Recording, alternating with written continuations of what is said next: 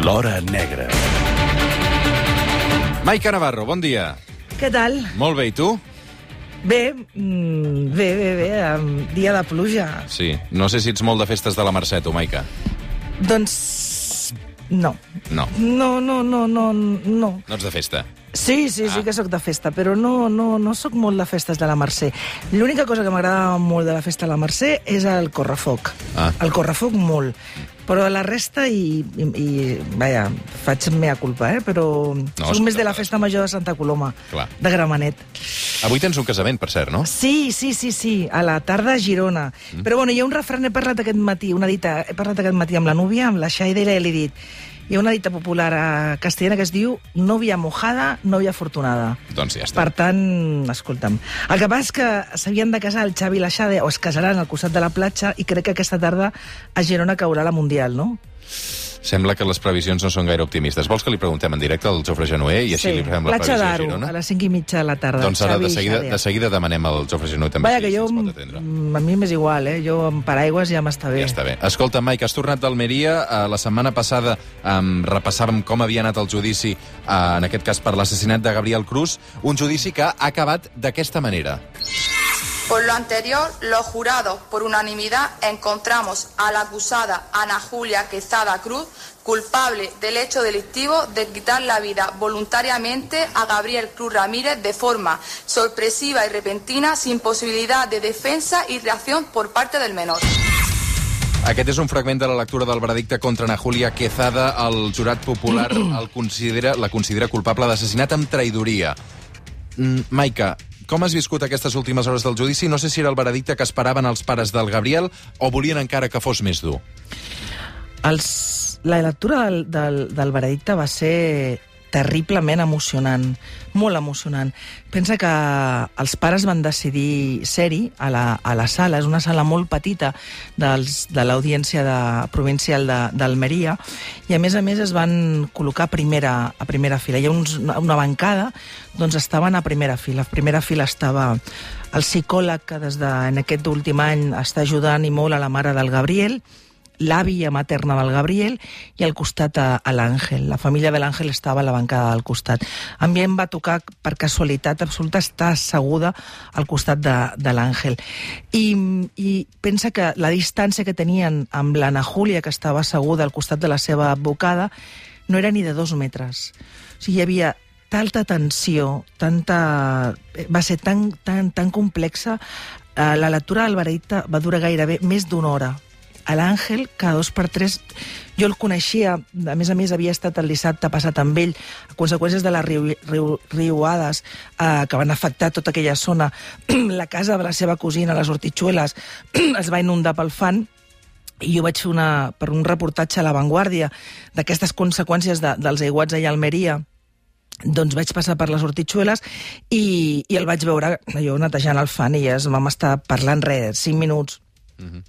I per tant era, ens havíem vist i a més havíem parlat de, de, de gent que coneixem el millor amic del Gabriel a les Hortitxueles és, és el meu fillol per tant teníem així gent molt, molt, molt que ens, bueno, d'aquest, aquests nexes comuns que van permetre aquesta, aquesta conversa i que després doncs, el, dissabte, el, el divendres el tingués assegut al costat i em parlés pel, pel meu nom. I m'anava preguntant constantment queda molt, queda molt, queda molt? Perquè era terrible. Ell tant ell com la, com la, com la mare, com la Patricia, miraven i buscaven la mirada de l'Anna Júlia. És veritat que, el- que l'Àngel, el dia de la seva declaració, va demanar la mampara per no veure-li la cara, però el dia del veredicte la volia mirar, li volia, bu- buscaven aquella mirada. I ella va mantenir una fredor que feia mal. O sigui, era mm, insultant. Jo no sé si era conseqüència de la medicació que s'està prenent, no sé si era una, una actitud premeditada, eh, casual, o, no, no ho sé.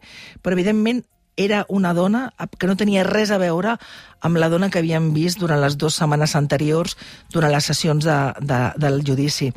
Pensa que 48 hores abans, ella, en el torn de l'última paraula, havia demanat perdó als pares. Perdona'm, uh, vull, només vull demanar perdó a l'Àngel, a la Patricia, a tota Espanya, que Déu em perdoni.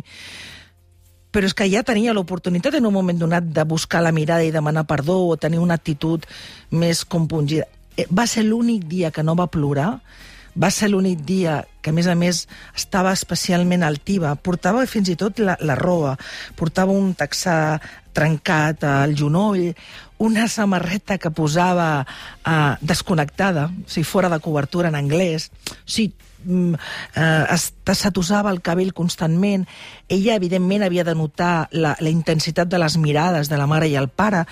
La mare i el pare pronunciaven, verbalitzaven eh, adjectius que després no pronunciaven. La mare, eh, havia moments que la Patricia es bellugava cap endavant, cap endavant, i semblava, tots pensaven que en algun moment saltaria, t'ho juro, o sigui, era molt terrible, especialment perquè el jurat la, la, la portaveu del jurat a l'hora de llegir el veredicte de 142 preguntes, moltes havia de repetir i cada cop repetien tot allò de uh, com la va matar, què va fer, uh, el mal que va voler, i això ho repetien una altra vegada. I cada cop que, que sentien com l'Anna Júlia havia agafat el cos i, per exemple, un cop es enfonsat amb una destral havia seccionat la mà per poder enterrar-lo, la, eh, la mare es, es bellugava cap endavant i la mirava amb una intensitat i quan, eh, i quan relatava al jurat aquests, aquests detalls més escabrosos però reals que, que sustenten aquesta condemna, la Patricia agafava la seva mare i li tapava amb les mans les oïdes perquè no ho escoltés. I l'àvia li deia, no, no, no, déjame, déjame que quiero escucharlo, déjame que quiero escucharlo. O sigui, era tot d'una intensitat terrible. I això va ser, jo crec, el que ens va deixar tots mmm, tocadíssims. La reacció de la Patricia just després de la lectura del veredicte va ser aquesta. Lo primero que tengo que agradecer es al jurado el veredicto que nos ha dado, porque como en su día dijimos, íbamos a luchar con uñas y fuerzas para que esta bruja no pisara más la calle y creemos que, que lo hemos conseguido. A veure, uh, amb això, Maica, necessito que m'ajudis perquè, perquè vull entendre-ho bé. Això ha estat fet amb un jurat popular de set persones, uh, set mm. dones i dos homes, perdona, de nou persones, set dones i, do, i dos homes. Com s'escull un jurat popular? I ara que ja sabem uh, aquesta primera fase, amb aquesta primera lectura, ara el jutge entenc que té l'última paraula, no? El ser membre d'un jurat popular et pot tocar com ser president d'una taula electoral és el mateix procés. Vaja, et, et, et, et, és una mena de ruleta, no, no una ruleta física, sinó que et toca, et criden, et mobilitzen, si no tens cap, eh, cap argument molt contundent per no hi ser-hi, perquè més implica doncs, una dedicació doncs, de bastantes setmanes, eh, i has de ser-hi. Hi ha una primera selecció dels membres del jurat, una selecció, o sigui, pensa que en aquest cas va arribar, van ser una selecció d'una treintena de persones, és curiós, però en un 90% dones, és una, és una és, insisteixo, és, és, és, és, és, casualitat. és, és casualitat. Aleatori. Però en, aquest 30 en aquestes 30 persones ja eren un 90% dones, i aleshores les parts eh, acusació particular, les, els advocats, el despatx Torres, que representaven els interessos del, de la família del Gabriel,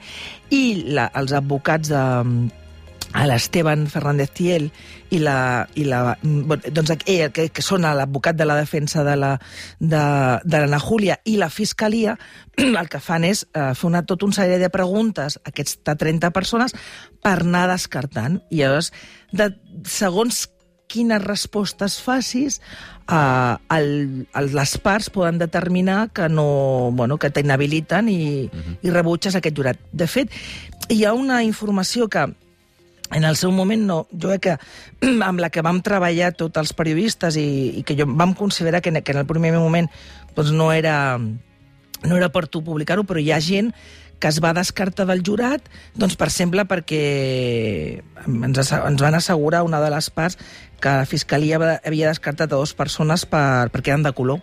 I com l'acusada és negra, doncs, eh, doncs això es va determinar que, bueno, que tindrien un sentiment i que estiguessin predisposats a l'hora de, de jutjar.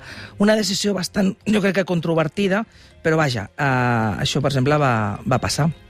Escolta'm, uh, més preguntes que tinc. Ara l'Anna Júlia s'enfronta a una pena de presó de uh, permanent revisable, això és el que demana l'advocat de, de la família. Què vol dir això de... Uh, per, I la fiscalia també. Què vol dir presó permanent uh, revisable? Es pot passar la resta de la seva vida a la presó, aquesta dona? Sí, sí.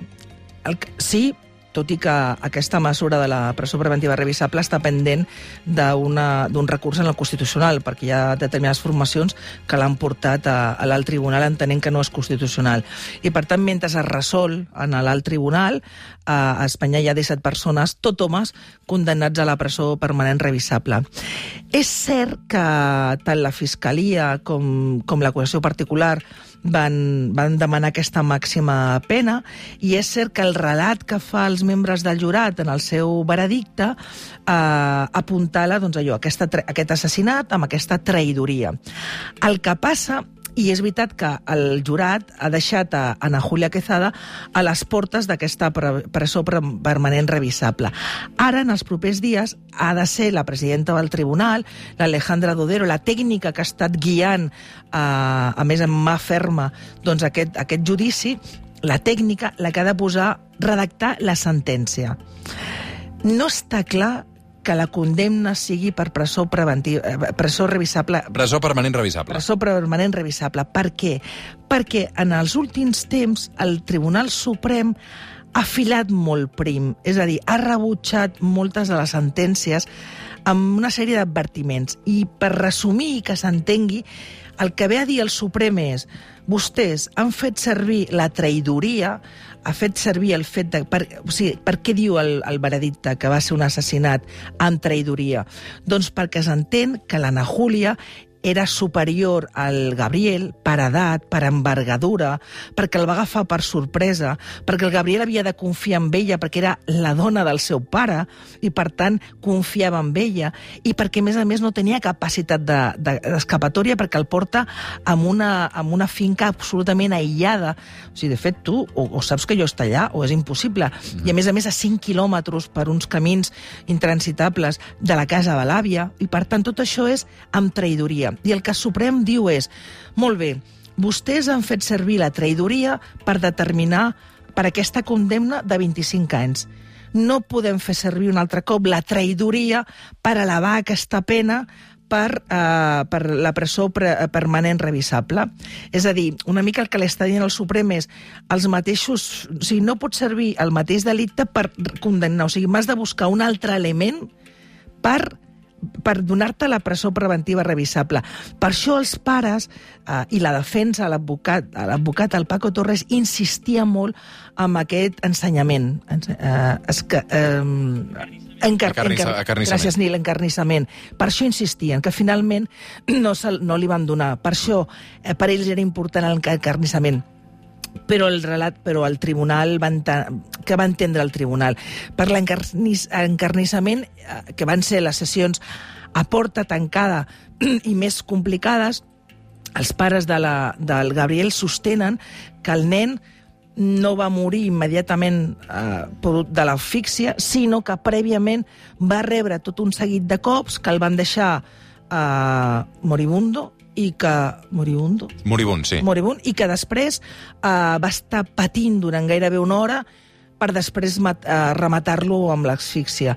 I, per tant, per ells era important aquest altre eh, agravant per si ja tenir, tenir més garantida, sense por d'un recurs de, de la presó permanent revisable. Per tant, de la manera en què està sentenciant últimament el Suprem, jo crec, i, i molts companys creiem, els que vam assistir al judici, que la magistrada o fila molt prim o amb la, tal com s'ha comportat, que, per exemple, la magistrada ha prohibit, no ha permès, que és més correcte, ni una sola al·lusió al passat de l'Anna Júlia Burgos.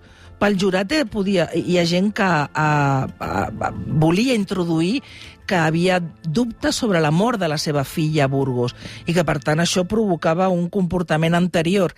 I ella, ho, ella no ho ha permès. Per tant, jo crec que la condemna serà de 25 anys. Doncs aquest és el pronòstic de la, de la Maica Navarro sobre aquesta qüestió. Maica, dius que tens el casament a Platja d'Aro avui? A les 17.30 17 arribo, no? Jofre Genoé, bon dia. Bon dia bona hora. Quin temps tindrem a les 17.30 a Platja d'Aro aquesta tarda? Doncs mira, encara hi podria ploure, però creiem que el plat fort, que ha de ser en les immediates hores, eh, doncs ja hagi passat. Per tant, la tendència llarg de la tarda és que els ruixats siguin cada cop més intermitents i vagin de baixa. A aquesta hora en concret es fa difícil eh, doncs, eh, concretar si plourà o no, però en tot cas ens quedem amb això, que mm, És hi a dir, haurà menys possibilitat de pluja que no Pel pas que a mi m'interessa, puc anar amb talones i no amb la bota d'aigua al casament? puc anar a la perruqueria Ara, aquí al ara. costat ara a fer-me allò que jo pensava fer-me i no se'm, no se'm quedarà la cosa... Si fos dolent, et diria que anessis amb bota d'aigua al casament. Bueno, perdona, tinc unes botes d'aigua que em vaig comprar a Miami, que ho fliparies molt, eh? De Bueno, color llavors, rosa. Llavors, llavors, Doncs no, hi ha problema. no hi ha problema. No hi ha Jofre, com, problema. com tenim les pluges arreu del país? Perquè, evidentment, avui és un dia que estem molt pendents dels meteoròlegs. Mira, eh, ens preocupa sobretot les comarques de Girona i especialment a l'Alt i el Baix Empordà, i sobretot l'Alt Empordà perquè ja és on hi ha hagut alguns problemes, algunes inundacions, eh, 30 trucades als bombers eh, per coses anegades, de moment és poca cosa tot plegat, però hi ha hagut alguns registres que puntualment arriben a prop dels 100 litres per metre quadrat, que ens consti sobretot entre aquells 60-70, Port de la Selva, Llançà, és ha plogut més, a més a més amb aquestes intensitats eh, que han arribat a superar en 30 minuts doncs, els 40 o 50 litres per metre quadrat. Tot això es pot repetir, per tant, molta precaució a aquestes comarques, però no es pot descartar, perquè també els avisos s'estenen cap a aquest sector, a la zona de la costa central, des del Barcelonès Maresme, i cap a la zona sud doncs, del Gironès, de la Selva, fins a la zona de l'Empordà. Seria el sector on hem de tenir molta precaució, el pas de les hores cada cop més concentrat a l'est de Girona, que serà per l'últim sector on la perturbació vagi marxant. El que podem eh, intentar ja aclarir és que cap a Ponent, Terres de l'Ebre, sembla que tot plegat comença a anar més de baixa. I no serà fins a primeres hores de la tarda doncs, que encara es mantingui el risc de pluja en altres indrets, com per exemple la ciutat de Barcelona, comarques de Barcelona, Pirineu i Prepirineu. Jofre, fantàstic. Maica, per cert, a tu els homes del temps t'agraden amb corbata o sense, normalment? Perquè és que és un debat. A vegades el Jofre, normalment, quan el veig al 324, va sense corbata. Per fer què? No ho sé. Vull dir, depèn. Per fer el temps, home, per No fer la previsió Ah, vale, meteorològica. doncs depèn. Estem parlant de O sigui, feina, eh? I el que passa és que el, el, el, el Molina normalment el veig sempre amb corbata i en canvi el Jofre normalment sense. Sí, no el sé. Jofre està bé de qualsevol manera. Bueno, doncs... Uh, Ja està. Sí, deixem-ho aquí. Deixem-ho aquí. Estàs posant vermell. Deixem-ho aquí. Eh, Sí, lladre? no, no, m'estic posant sota la taula i tot. Molt bé, una abraçada, Jofre. Vinga, que vagi bé. Maica Navarro, Escolta'm, que tinc, digue'm. uh, com està la nostra relació sentimental Està, fora de... està molt bé. Sí? Està, han rebut algunes, uh, alguns, uh, gent preocupada, alguns agents preocupats. Saps que te diré una cosa, el, el, el, el, el Roger insistia molt en que avui vingués aquí en directe, Mm. i saps el que jo esperava? Què? No sé, un ram de flors, alguna cosa. De fet, t'ho juro que jo pensava, mira, volia que vingués en persona... Sembla que tindríem la festa en pau avui, perquè, perquè em volia jo... Ostres, jo entraria en aquest estudi i Series tindria d'allò flors, no sé, alguna cosa. O sigui, deu ser el pitjor nòvio del món, tu, no? Però no sé... Fem una pausa i de seguida tornem al suplement amb una entrevista a Tatxo Benet. Fins ara.